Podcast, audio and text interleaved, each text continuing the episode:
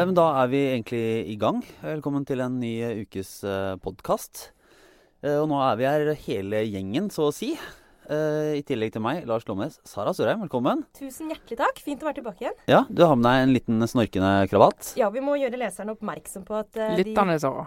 Unnskyld, lytterne. Har vært lenge borte. Vi er en multimedial bedrift med masse forskjellige kanaler. Sånn er det. Ja. Eh, lytterne våre må bare ha oss unnskyldt. Det er litt sånn uh, snorke brummelyder uh, her. Fordi det ligger en sånn liten tass og sover i et bæresjal. Men vi håper at det fortsetter sånn, og at vi skal kunne gjennomføre denne podkasten uten further eh, avbrytelser. Mm. Men eh, jeg kan, kan, ikke love noe. Vi snakker syv uker, så ja, det kan gå. Det kan vi prøver. Gå. Ja, vi prøver. Og Trine Eilertsen, politisk redaktør. Ja. Og er fortsatt, dere er fortsatt begge redaktører. Det er jo en dag der det er litt endringer i, eh, i toppen i Aftenposten, men dere holder stand? Vi holder stand. Stadig flere kvinner i redaktørkollegiet i Aftenposten. Det må jo være tittelværet. Ja. Er uh, Vi har fått ny nyhetsredaktør i dag. Nettopp. Håkon, uh, Håkon Borud slutter, og Tone Tveøy Strøm Gundersen uh, begynner. Ja. men det skjer jo større ting i verden enn en akkurat innafor våre små fire eller et eller annet hva det nå er av vegger i dette store bygget. og du, Trine, har vært hva skal man si, politisk ute i den store verden, men geografisk i Oslo. Ja, rett ute, rett eh, nordøst. Er det det det blir? Lørenskog uh, ute i høyre der? Du, nå er du like arrogant som jeg pleier å være på vegne av hele Vestlandet, Trine. Fordi hun har ikke vært i Oslo, hun har vært på Losby gods. På Losby eh, som ligger utenfor Oslo, men faktisk du traff på kommune, da. Så ja, så ja, ille var det ikke. Det er ja. i Lørenskog. Det, det, det, det, må jeg si. Østlandet er ikke min kjernekompetanse sånn geografisk, da. Jeg jobber med saken. Tross alt jobber jeg jo med i en Oslo-avis. Nei, Jeg har vært på Losby gods, og der har jeg vært på uh, Osloforum i to dager. Uh, og uh, Osloforum er altså en slags fredsmeglerfestival, om du kan kalle det det. startet for 14 år siden. da var de bare tolv. fredsmeglere som satt der ute og spiste og delte litt erfaringer. Så har det vokst og vokst og vokst. Eh, foregikk vel under radaren til veldig mange i mange år. Jeg har i hvert fall ikke hatt noen veldig sterk bevissthet om det, bortsett fra de siste par årene. Det bare presser seg på en utrolig sånn teit vits. Det er ja. sånn Kjartan Fløgstad-behov vi har til ja, bare ja, komme med plumpe vitser. Det er ikke noe rart at en fredsmeglerfestival går stille for seg. Nei, det, det, det, er veldig riktig det, Sara. Og det var jo ingen eh, sikkerhet og, og, sånne ting. Folk har jo kommet og gått og meglet og pratet om fred og, og håp i verden i mange år. Eh, men så de siste to årene så har de hatt eh, gjester som gjør at eh, nå var det stint med politifolk. Det var kø på veiene for vippene skulle komme, og det var sikkerhetsfrykt og angst og beven i alle ledd. Fordi den største, største navnet var, var, den amerikanske utenriksministeren John Kerry? John Kerry var jo der, og han er jo selvfølgelig må de jo passe godt på. Men så var jo Irans utenriksminister der, Mohammed Jawad Sarif, var der og snakket. og EUs uh, utenrikssjef, om du kaller det, var der. Kan jeg bare spørre om en ting. Eh, men var det, dette, Har dette noe med Bondevik å gjøre? Eller er nei, nei, nei. hvem er det som på en har starta det? Hvor, hvor, kommer det fra? Vet du det? Nei, altså, jeg, altså no, no, jeg skal ikke ligge på meg at jeg har gått veldig inn i akkurat hvem og initiativer og sånn. Jeg bare vet at uh, i starten jeg snakket jeg med en av de arrangørene i går. Norsk UD er jo veldig sentrale her. Dette er jo en typisk sånn greie som norsk Norge bidrar til. Altså vi er jo litt sånn, En av våre eksportartikler er jo fredsmegling i land som vi har ingen forhold til. Uh, men det gjør vi ganske bra. Vi har godt rykte på oss uh, for å holde på i de landene. Og det er fordi vi da Norge er inne på veldig sånn lang sikt og holder ut. Og, ja. Så Colombia er jo et sted der uh, Norge bidrar for tiden. men der var altså Syria var jo tema. Libya var tema.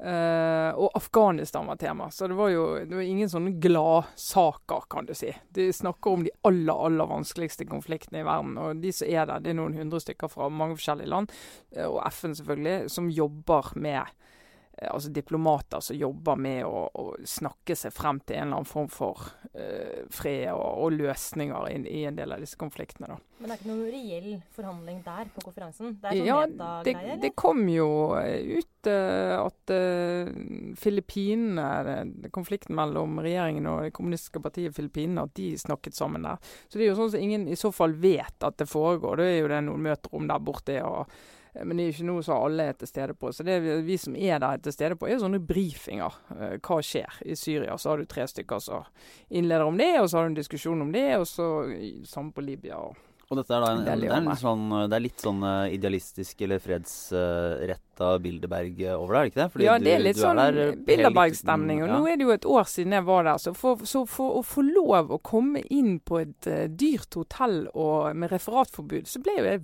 veldig glad for at det ikke tok så lang tid før jeg fikk lov til det igjen, da. Men Opprettholde den, eh, den frimurerske liksom, eh, forståelsen av uh, Veldig, veldig konspirasjonsteoriene. Så, men eh, hva, eh, hvis du kan det du kan si da om det som foregikk der, var, var det måte noen lærdommer du kan ta ut av det? Det Ja, noe- altså, var det, var, det, det er faktisk veldig nyttig, for det sitter jo eh, altså I den Syria-brifen så sitter det jo eh, syrere eh, med forskjellige typer roller og snakker om eh, hvordan det ser ut fra innsiden av Syria, fra, si, fra Genéve, fra nabolandene, eh, hvordan konfliktene ser ut. og Da, da kom det jo frem en ganske sånn en ganske kritisk holdning til eh, hvis du skal kalle det fredsforhandlingene, altså forsøkene på så som stormaktene gjør på å forhandle frem en løsning i Syria. Eh, både fordi at altså, i, i den eh, regionen i Syria så er jo USA og Russland er jo viktige, men de aller, aller viktigste er jo Saudi-Arabia og Iran.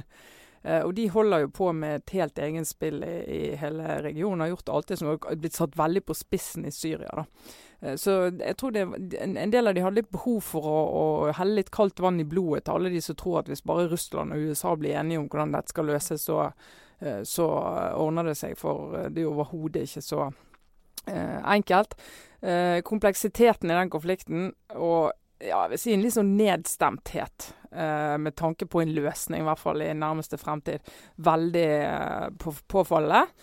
Eh, og så er det jo interessant å høre altså, utenriksministeren Iran, eh, Zarif, som eh, snakker om det. Og Iran vet vi støtter jo Assad, har gjort det lenge, og med mye ressurser, både folk og penger og våpen. Og han står og snakker veldig sånn tilsynelatende veldig åpent om deres vurderinger og hva som er løsningen fremover. Og så hører Carrie dagen etterpå. Og så i går så satt jeg ned med en som satt alene ved lunsjen og Ja, for det, merker, selv om storpolitikk er interessant, så er det også litt Ja, sånn ja, hvordan kan... agerer man sosialt når man er på så utrolig ja. Altså, ja, man må jo spise lunsj også, liksom. Ja, man må jo det. Og så tenker jeg at uh, litt av poenget må være det er å snakke med folk som vet et eller annet som jeg ikke vet. For å si sånn, Alle der vet ting som jeg ikke vet, så det er ikke så vanskelig. Uh, du kan bare snakke med den du står ved siden av. Men uh, da så det satt en alene i lunsj ved et bord. og Så gikk jeg bort til han og spurte om jeg kunne sette meg, og det kunne jeg jo. Eh, og spurte hva han eh, jobbet med. Nei, Han var rådgiver for eh, Assad i Syria. og da skal jeg vedgå at jeg ble satt litt ut. For jeg, jeg var på en måte ikke Hjernen min var ikke innstilt på å stille spørsmål til en som Det kommer så tett på. Ja, det, så det må jeg jo si Jeg ble lett forvirret og snakket mye om Damaskus og hvor fint det var der, og by og mat og sånn. Og så prøvde jeg å komme inn på politikk og, og konflikten, og det er jo interessant å høre det fra det ståstedet, da. Eh, De er jo opptatt av eh, Assad sin fremtid og mulighet for å være del av en løsning. Og det, det mente han da med å se se at eh, retorikken til bl.a. Kerry hadde endret seg litt de siste månedene, og at eh, de nå snakket om mer muligheten for at Assad kan være en del av en slags overgangsløsning, og at det ikke bare sånn Assad må vekk, eh, for det er jo en del av, eh, av eh, konflikten. Hvis du skal eh, liksom beskrive noen av de som er der da, f.eks. Fra, fra Syria, også fra Iran, bare litt sånn som, eh, som typer, så kan man liksom innbille seg at det er veldig sånn eldre, strenge menn. Veldig kanskje låst i sitt, eh, sitt syn, og, og kanskje ikke med så mye sånn utsyn mot verden.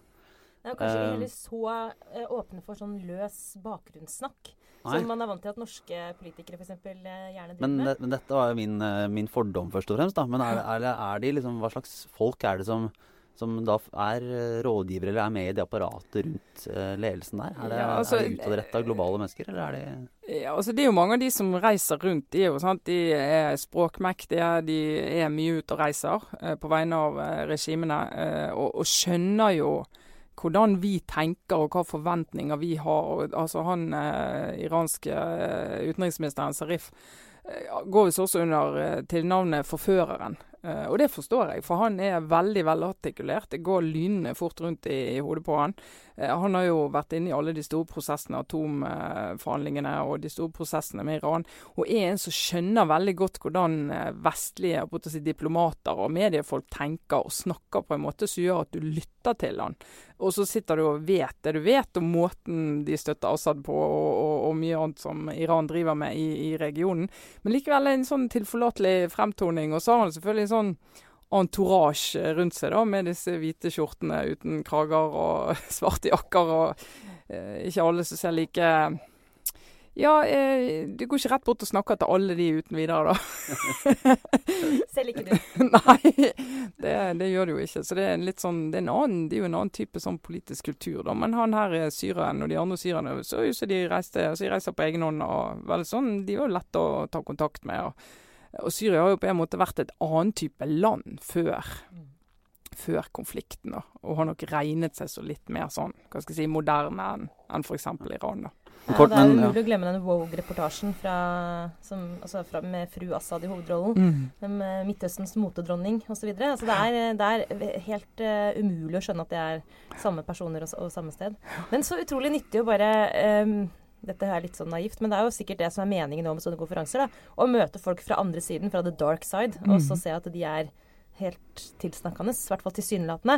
Spørsmålet er selvfølgelig om, om, de representerer i det hele tatt noen hjemme hos seg selv. Det, jeg, jeg, ser for meg når han uh, syriske rådgiveren kommer hjem til sin podkast i, ja. i, i, Damaskus og forteller om møtet med norske, ja, norske redaktører. Ja, med litt sånn uh, blondine med oppsperrede øyne. ja. Så liksom uh, du, du, her har ikke dere Og så begynte å snakke om hvor fint vær det var i Damaskus. Ja, litt, litt overrasket, skal jeg innrømme det også. Men det var Nei, det var veldig nyttig. Og så lang runde på Libya, som jo er altså Hvis du kan tenke flyktningkrisen og den diskusjonen med den nye flyktningstrømmen over Middelhavet til uh, Italia, uh, så er jo Libya et sånt uh, gnagsår. Så det, det snakker mye om. Det var masse interessant både om det som skjedde under bombingen og Benghazi og alt den gangen, men også det som skjer nå. Altså Som en der sier at da jeg begynte å jobbe med Libya, så trodde jeg at det var problemet der var at du har to regjeringer som ikke er enige om hvem som er regjering, men faktum er at du har ingen fungerende regjering. Altså Du har ikke institusjoner. du har ingen, uh, og de, FN får kritikk for at de ikke får inn nødhjelp via Libya, uh, og får inn hjelp til flyktningene, så er det litt sånn Ja, det kan vi godt få kritikk for, men hvem nøyaktig skulle vi ringt? På hvilket telefonnummer skulle vi ringt? Altså Det er sånn det er sånn total mangel på apparat til å være en del av en del av de internasjonale operasjonene, som gjør at jeg tror en del av de som jobber med det, er veldig veldig frustrert og veldig desillusjonert. Og litt sånn Hvor går veien videre eh, i det? Eh, og hvordan skal vi gjøre Libya i stand til å forhindre f.eks. For den flyktningstrømmen som vi ser nå. da?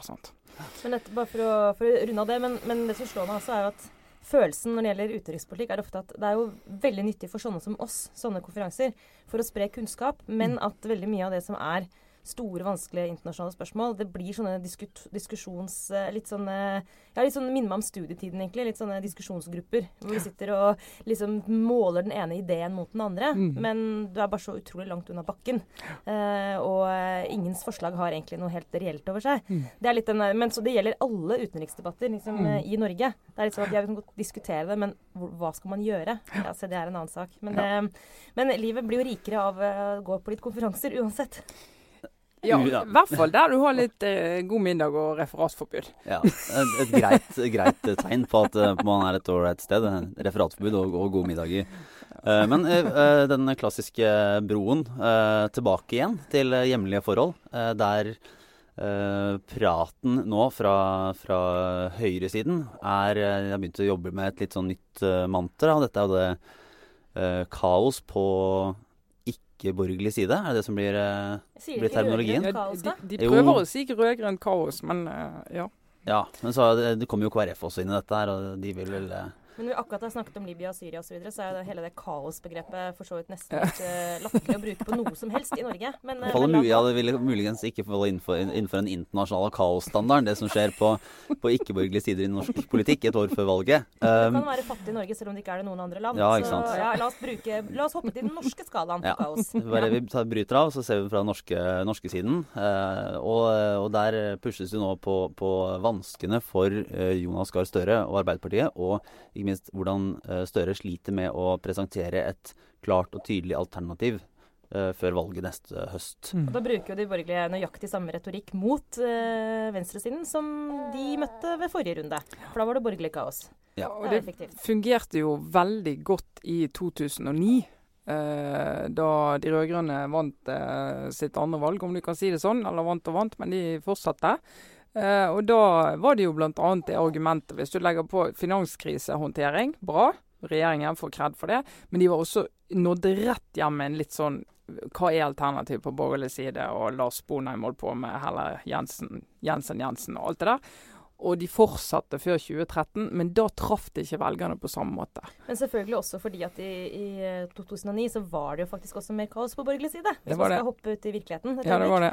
Eh, I motsetning til, eh, til neste valg. Så, Og ja. eh, Jonas Gahr Støre hadde jo da Dette er uken for de eh, sommerpressekonferansene. Da, sånne litt eh, ja, tradisjonelle mm, Ofte relativt kjedelige seanser der partilederne i alle partiene samler pressen, og så oppsummerer de det som har skjedd eh, det oss. siste halvåret. Ja, For oss som ikke er eh, politiske journalister, så er det selve sånn innbegrepet på hvor idiotisk politisk journalistikk kan være noen ganger. For da Ja, er det det er veldig rituelt. Det er det, altså. Så vi, jeg tror vi alle sliter med å finne en måte å dekke de på som gjør det til mer enn en sånn pliktskyldig lite referat av hva partilederen sa. Da. Mener, ja. Ja. Eh, men i hvert fall der brukte jo Jonas Gahr Støre brukte jo da en del eh, tid på å snakke om dette samarbeidsmulighetene, og ikke minst hvordan de kan se for seg å samarbeide med eh, KrF og i og for seg potensielt også Venstre, selv om det ikke er så realistisk. Og sånne ting kan jo de pressekonferansene der faktisk være litt eh, Sånne ting kan de brukes til. Altså eh, tolke litt signaler. Eh, Mm. Og han vet jo utmerket godt hvordan han blir lest og oppfatta. Ja, og Støre nekter jo å gå i den Han, han mener jo han vil ikke si noen ting om samarbeidskonstellasjoner. Han, han bare står fast på at Arbeiderpartiet er åpne for å samarbeide med alle.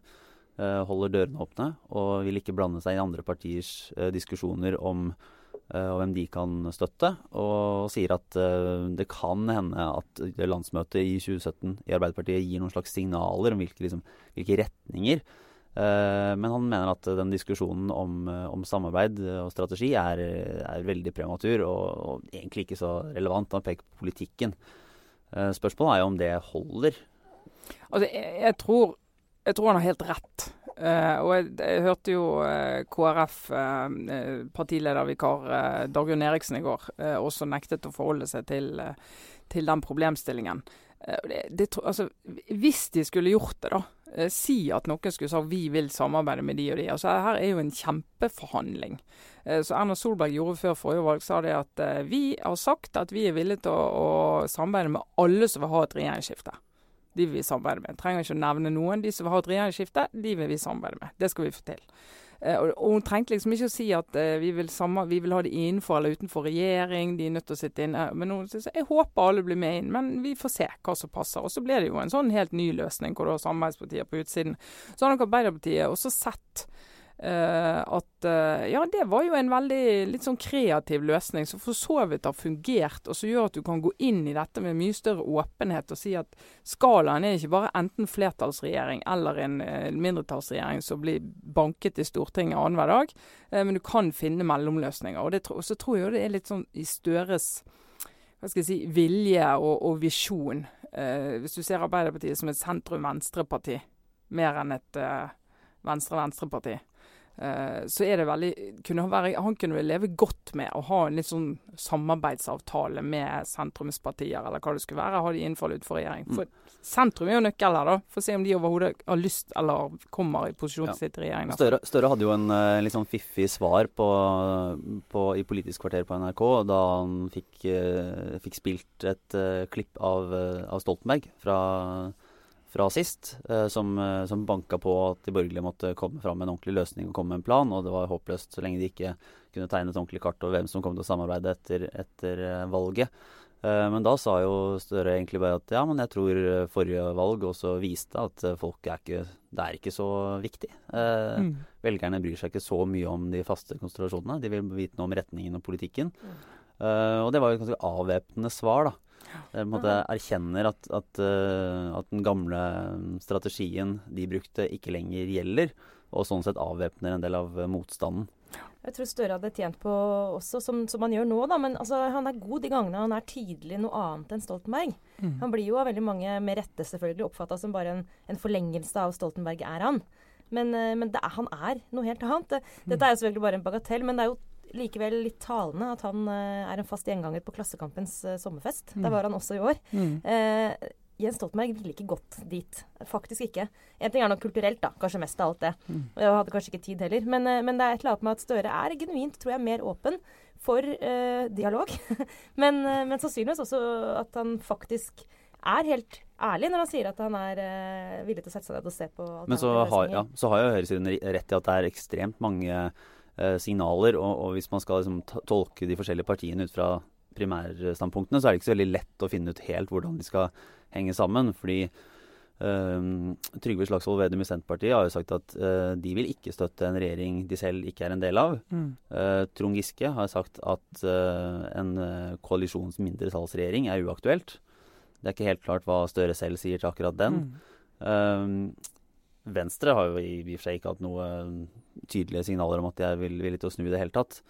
Men at uh, SV og KrF skal finne sammen, er, uh, vil jo være en nøtt og, og overraskende. I hvert fall sånn som det ser ut som Altså det som skjer i SV nå, når Solhjell meldte seg av 100 Uh, og Lysbakken bygger nå ut en, liksom, en, slags sånn ny partikultur, eller en nygammal partikultur. Mm. Gjenstår litt å se hva det blir til, men det blir i hvert fall ikke et SV som beveger seg mot høyre.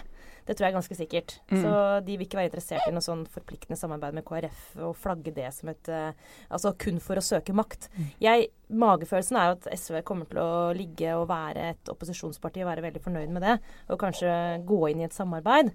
Men at de rendyrker mye mer sin, sin sjel istedenfor å, å bli utydelig i samarbeid med andre som er større. Det kan jo virke ut som det er det Lysbakken uh, sikter seg inn mot. Mm. Eh, og så har du Rødt, da, som jo faktisk nå er inne med et mandat på en del målinger på Stortinget på landsbasis. Det er det jo ofte midt imellom valg. Det er veldig, veldig sjelden det blir det uh, til slutt. Men, men, de er jo også en, en, en, spiller her, og det samme gjelder jo De Grønne, for så vidt. Mm. Mm. så det, det er jo relativt åpent. Det er jo interessant å se om de fløypartiene skjerper seg og går inn i forpliktende samarbeid, eller om de fortsetter å lage trøbbel og ikke komme noen vei. Og så har jo både Senterpartiet og KrF og i hvert fall da en veldig uttalt og tydelig drøm. Den drømmen de ber på, er drømmen om sentrum. Eh, de tror jo, altså har en veldig sånn De klarer ikke å gi opp uh, ideen om et sterkt sentrum som skal på en måte dominere i, i, norsk politikk, der de store må på en eller annen måte tilpasse seg de i større grad. Men det som er så fælt, er at i og med at uh, sentrumsregjeringen skjedde Mm. Ja, det har faktisk gått en gang. Så kommer den drømmen aldri til å bli knust. De kommer alltid til å bære på at det skal kunne skje igjen. Eh, og det er et stort problem i norsk politikk. Fram til det punktet der hvor, ja, der hvor på et eller annet tidspunkt måtte Arbeiderpartiet gi opp ideen om et sånn rent flertall. Ja. Den, uh, og Der mener han at sentrum må gi, gi opp ideen om en, om en faktisk sentrumsregjering. Jeg tror det hadde løst mye for dem, sånn mentalt i hvert fall. Men, men det, som, det jeg tror, altså for oss eh, journalister som nå skal inn i snart den virkelig lange valgkampen vi skal holde på med dette et år, vi kommer til å diskutere samarbeid opp og ned av stolper. og Vi mener jo det, det er jo reelt interessant. og det er masse Du sier Trond Giske sier en ting. og eh, Jonas Gahr Støre sier kanskje, kanskje, ikke akkurat det samme. Eh, så tror jeg for en del velgere så er det litt sånn de blir, de blir bare matte og forvirret og trøtt. og de, de, vil egentlig høre om politikken. ikke sant? Eh, sånn at både for oss og for partiene så skal vi være litt sånn varsomme med å gå for langt inn i den der eh, samarbeids... Eh ja, Men du må jo være ganske spissfindig, du må være, du må være ganske inni det for, også, for å klare å definere helt klart hva Arbeiderpartiet har som alternativ til regjeringspolitikk nå, da. Ja. Jeg tror For folk flest så er det ikke så veldig tydelig Nei, det er ikke det. hva man faktisk har som alternativ. Så den uh, insisteringen på at politikken skal gjelde, er også litt sånn Ja, og men hva da, peker man på da? Jeg at vår, vår jobb er å vise frem det. Mm. Å vise frem på en måte politiske forskjeller, og ikke minst noen de holder på en programprosess, alle partiene. Hva diskusjoner er det som er i partiene, og hvor kan de lande hen i viktige saker som betyr masse for folk. Men det er jo faktisk også en, eh, en, en jobb for en avis som oss, eh, fordi NRK, og det mener jeg faktisk preger norsk politikk i altfor stor grad, at NRK med sin nøytralitet eh, De har jo kjempegode politiske kommentatorer, men de kan jo ikke gå inn på sak på samme måte som vi kan. Vi, vi, en, eh, vi, er, vi, er, en avis med et uh, politisk ståsted, og vi mener mye om, om mangt.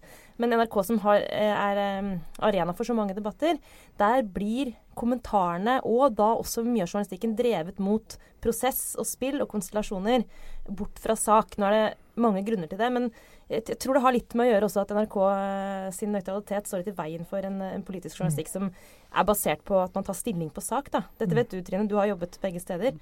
Men, uh, ja, det, det, er jo litt ja. forskjellige roller, da. Den analytiske, forklarende rollen og den kommenterende rollen. I hvert fall hvis du ser på kommentarjournalistikken, så er det jo veldig forskjell. Men å høre Takvam si hva han egentlig mener om en politisk sak, han som har så god innsikt Jeg skjønner ja, det, at han ikke kan det og ikke kommer til å gjøre det. Han skal jo ikke det. Han har ikke det mandatet. sant? Det mener vi er ryddig da, av NRK og i den rollen de har. Det er jo litt der vi skal skille oss over fra NRK, om at uh, vi skal prøve å ta litt mer stilling både i prosesser og saker enn, enn de gjør. Men uh, skal vi gå ut igjen? Det en uke, altså I løpet av neste uke, blir det neste torsdag, er det ikke det?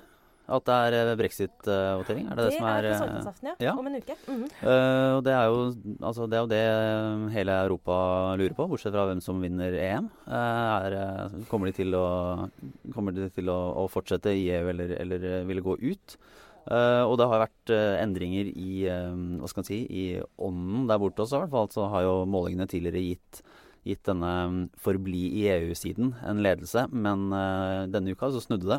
Og brexit-tilhengerne, og de som vil ut, har da en 7 prosentpoengs eh, ledelse på, på hvert fall en av de store målingene. Ja, nå kan det skje. Eh, det som ingen egentlig trodde skulle skje. Det er litt sånn parallell til eh, Trump egentlig, og amerikanske mm. valgkampen.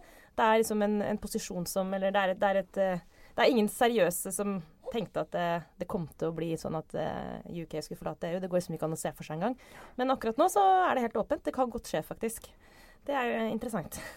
Det er, det er, en mørk Det må jeg si. Jeg kjenner på en sånn nedstemthet når jeg leser om det. Fordi at eh, det, og det går i hvert fall inn i min uh, i mitt hode så er det det som skjer i USA, og det som skjer når du ser alt som blir hektet på den uh, brexit-diskusjonen og problemstillinger som i dypest sett har fint lite med EU å gjøre, og som ikke kommer til å endre seg fordi om uh, Storbritannia skal gå ut av EU, så er det denne her eliteprotesten, altså protesten mot elitene, som, som er der, og som er, det finnes gode grunner for det som vi ikke kan avvise. Men som får utslag som jeg tror er ufattelig usunne. og Noen av de det kommer til å gå verst utover, er mange av de som en del av den protesten, og det er begredelig. Og for EU og Europa at eh, UK skal gå ut av, uh, av um, unionen, det Ja, jeg kjenner på en liten Nesten på en begynnende sorg. Mm. Ja, men jeg, ja, jeg, jeg, hodet mitt er helt enig med deg, Trine. Som alltid. Men, men hjertet Ikke hjertet heller. Men uh, magefølelsen. altså dette, dette, snakket vi litt om før vi gikk i studio. Det er jo den derre trangen man som journalist har til at uh, man håper på det mest dramatiske utfallet. Så fikk meg til å sitere et av mine favorittdikt i hele verden, som er i boka 'Hærverk' av Tom Christensen. Som handler om en dansk journalist. Uh, og han har en forfylla venn, og han skriver et dikt som heter 'Journalisten'. Og der tror jeg på husken at han tillegger journalisten uh, utsagn som omtrent er som dette. Jeg drømmer om skipskatastrofer, hærverk og plutselig død. det oppsummerer i grunnen hva, hva, mediefolk går rundt og tenker at Dine forhåpninger for uken som kommer. Ja, ja, ja. Men det oppsummerer også for så vidt uh, litt flåste sagt, altså, men det er litt sånn uh, Jeg kan skjønne at man kan være tiltrukket av ideen om å skape det kaoset som det blir. og jeg skjønner også faktisk den magefølelsereaksjonen som går på at man ikke vil være en del av, av EU med alle dets feil og mangler. Men det er samtidig din fordømte plikt som et voksent menneske å undertrykke sånne tendenser i deg selv, eh, og faktisk ta til fornuft. Eh, og det er det som, og der deler jeg helt din analyse, Trine. Det er litt deprimerende å se at det på flere og flere saker nå så virker det som om det er den derre mer ur... Ja. naturtilstanden som tar over. Og det er klart at hvis, hvis det blir sånn, så har jo ikke Liv-kampanjen et godt alternativ. Og det, var, det er også et av uh, kjernepunktene til altså Nå går jeg så sur hva som er ja og hva som er nei i denne kampanjen, fordi Remain. nei betyr jo ja. Men Remain uansett, og liv. Ja. et av kjerneargumentene til de som er for å bli i unionen, er jo at uh, Og Nick Cohen er jo en, en, en som jeg følger, som skriver mye om dette i Storbritannia, som senest denne uken uttalte at det er ikke noe vanskelig å være enig i alle beskrivelsene av hva som er feil med EU. Tvert imot så, så, er det egentlig bare man kan slutte seg til eh, nesten alt. Listen er uendelig. Listen er uendelig. Poenget er eh, hva er alternativet? Og hvis ikke du kommer opp med det, så sorry, men da er vi ikke noe, kommet noe mm. lenger. Da, da, må vi faktisk heller prøve å bygge på det vi har. Eh, høres veldig voksent og kjedelig ut, men Men noe av det fascinerende med den diskusjonen også i, eh, i Storbritannia, som i og for seg gjenspeiles i mange politiske diskusjoner rundt om om dagen, er jo den derre eh, hva skal jeg si, det intellektuelle og elitens møte med eh, folk flest. da.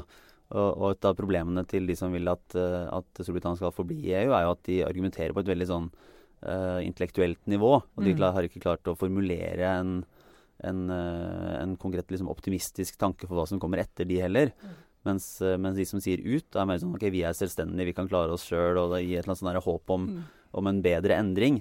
Mens de som vil forbli, har jo bare en sånn ja, det, men det kommer til å gå til helvete hvis vi gjør Ja. sånn som uh, de andre vil, og så kommer det bare til å forbli sånn passe kjipt hvis vi får det som vi vil. Det er jo en vanskelig sak, da. Og det var jo Senest i går var jo finansministeren ute og sa at hvis det blir liv, eh, så må vi lage et krisebudsjett. Det blir altså kutt i budsjettene allerede fra høsten av. og han fikk jo enormt sterke reaksjoner som handlet om eh, svartmaling og krisemaksimering. og altså det, det, Den type argumentasjon nå etter at eh, Remain-siden, eh, Forbli-siden, har kjørt den så lenge, så er det en tretthet som handler om at hvis ikke visjonen er større enn det, Eh, har vi ikke større selvtillit i Storbritannia? Har vi ikke større tro på vår storhet og vår evne til å inngå nye handelsavtaler, til å bli en viktig aktør, til å være en viktig sikkerhetspolitisk aktør, enn at vi bare må si at det er tryggest å være der vi er. Og det er klart at sånn hvis du skal fenge en som er litt i tvil, så treffer det mer i hjertet det siste enn det første. Det gjør det jo. Jeg hørte på, I dag så hørte jeg på, det kan jeg anbefale, en podkast på Spectator eh, med redaktøren der. Og de har gått på lederplass nå innenfor, å, innenfor brexit. altså de vil Mm. forlate EU. Som en av veldig få britiske aviser. Eh, men han The Sun har vel også gjort det. Det tipper jeg nesten, uten at jeg vet. Ja, det har de Jo, ja, ja, Ja, gjort. de. De er jo alltid på vinnerlaget, for å si det sånn. Men poenget er at den populistiske bølgen nå går i retning av eh, liv. ikke sant? Mm. Og også det der, eh, som jeg sa i stad, den journalistiske gut-følelsen som man ofte må undertrykke. Den går i retning av at oi, det hadde vært kult hvis det ble nei, la oss se hva som skjer. Mm. Og der har jeg sønnen, mener jeg, altså typisk dem. Bare de tryner pga. sånn manglende evne til å være voksne. Åh, veldig arrogant sagt. Ikke bra. Men, eh, men redaktør, den eh, podkasten til Spectator eh, i denne uken, de har en ukentlig podkast, der er redaktøren i debatt med Nick Cohen.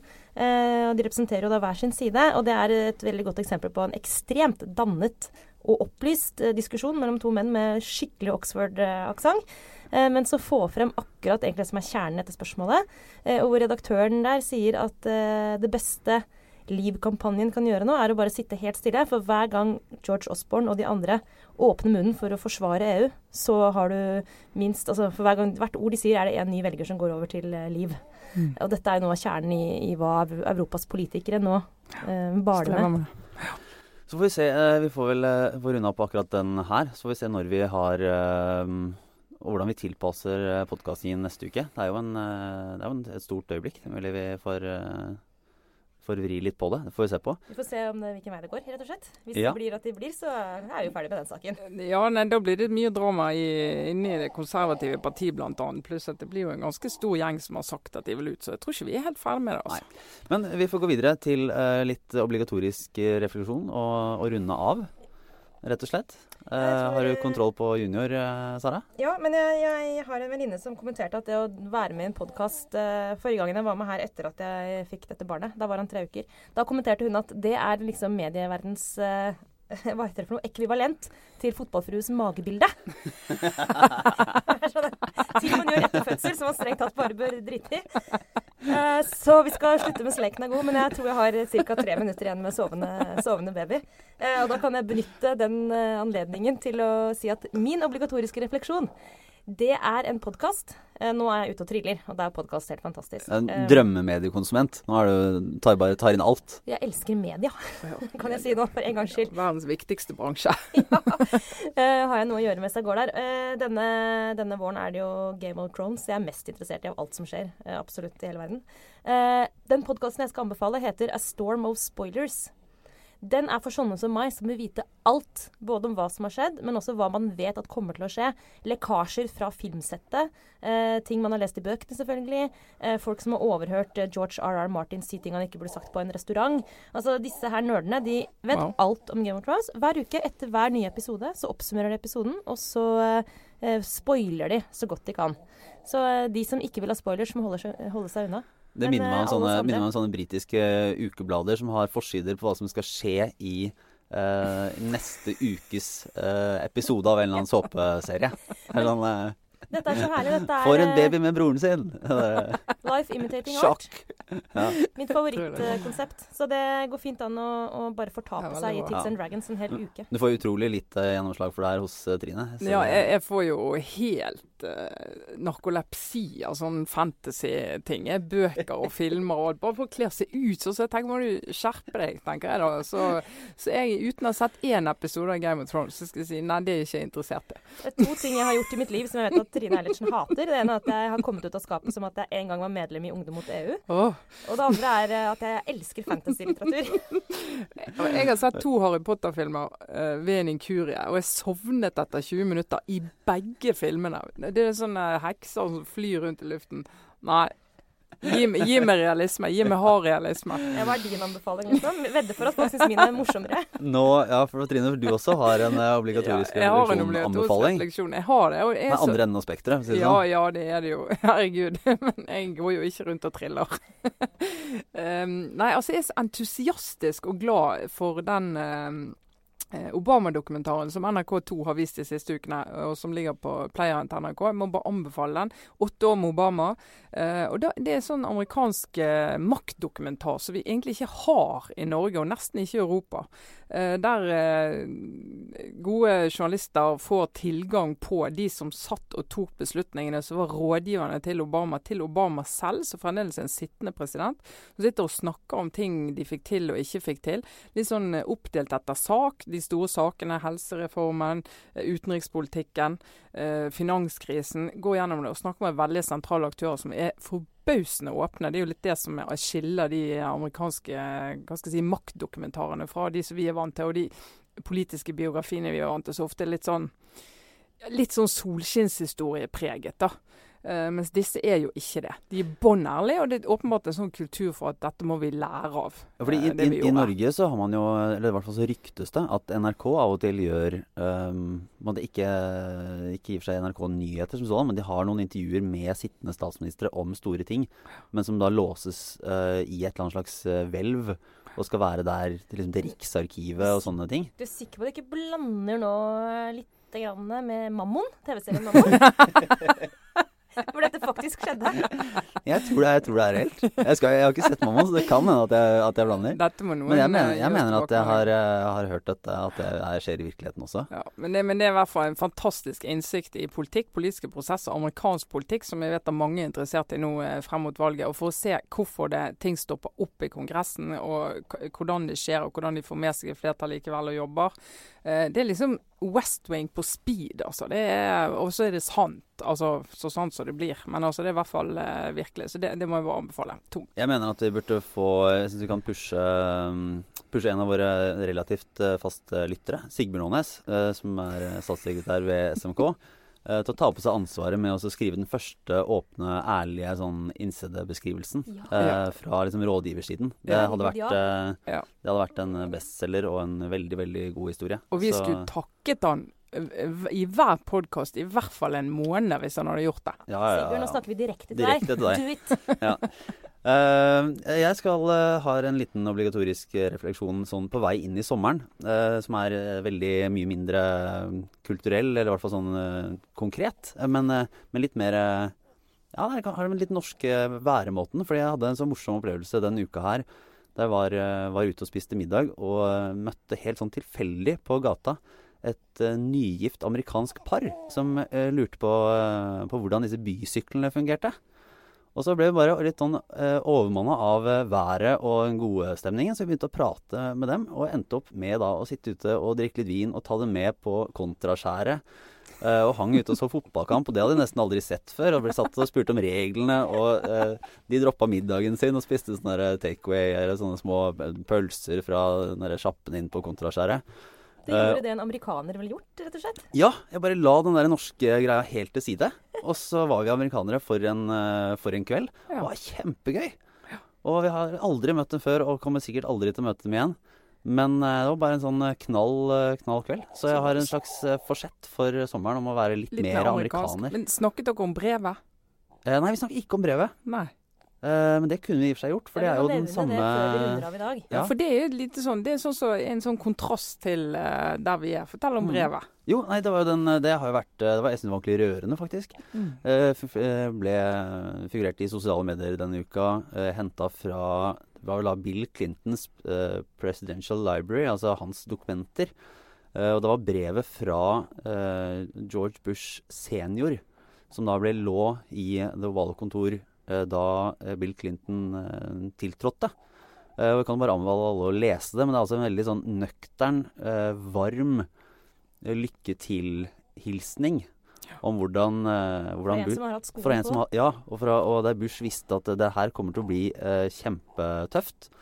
eh, og du kommer til å måtte stå på, og folk kommer til å være mot deg, men du må bare jobbe på for dine ideer, og ikke la deg bli eh, skjøvet av kurs. Eh, og så skal du vite at når du er her inne, så er du vår president. eh, også min. Eh, og Bush lovte å støtte, støtte Clinton gjennom de, de årene. Og det var en sånn en veldig fin kontrast da, til, til Donald Trump og det, på den eh, stemningen som er nå. Mm. Hele klimaet, sant. Ja. Så kan man jo lure på om det ville være en tilsvarende varm lapp fra eh, Barack Obama til eh, Donald Trump. Mer en henvisning, kanskje. til Ja, Ja, men La oss eh, runde av med en liten sånn eh, Vi som jo egentlig elsker Amerika. Ta det beste av Amerika Det med beste oss. av Amerika, Ja. ja. Det må vi huske på. Ja. Så, men da takker vi vel for oss for denne uken. Det varte en god stund i dag, men det var veldig koselig. Så takk Trine. Og takk eh, Sara. Og takk, til eh, Lillegutt, som ennå ikke har fått seg noe navn. Nei, send gjerne inn forslag. Ja. Eh, Ja, Vi lurte på å ha en, en navnekonkurranse på det. Ja. Eh, eh, Foreldrene har, all- har nå meldt pass, eh, så eh, vi er åpne for alle forslag. Vi er litt sånn Støre-aktige eh, i tilnærmingen til dette navnet. Må finne noe i navnerommet. Som, eh, Ja, Navnerommet. innenfor navnerommet så må vi finne utforske mulighetene. Kom med det.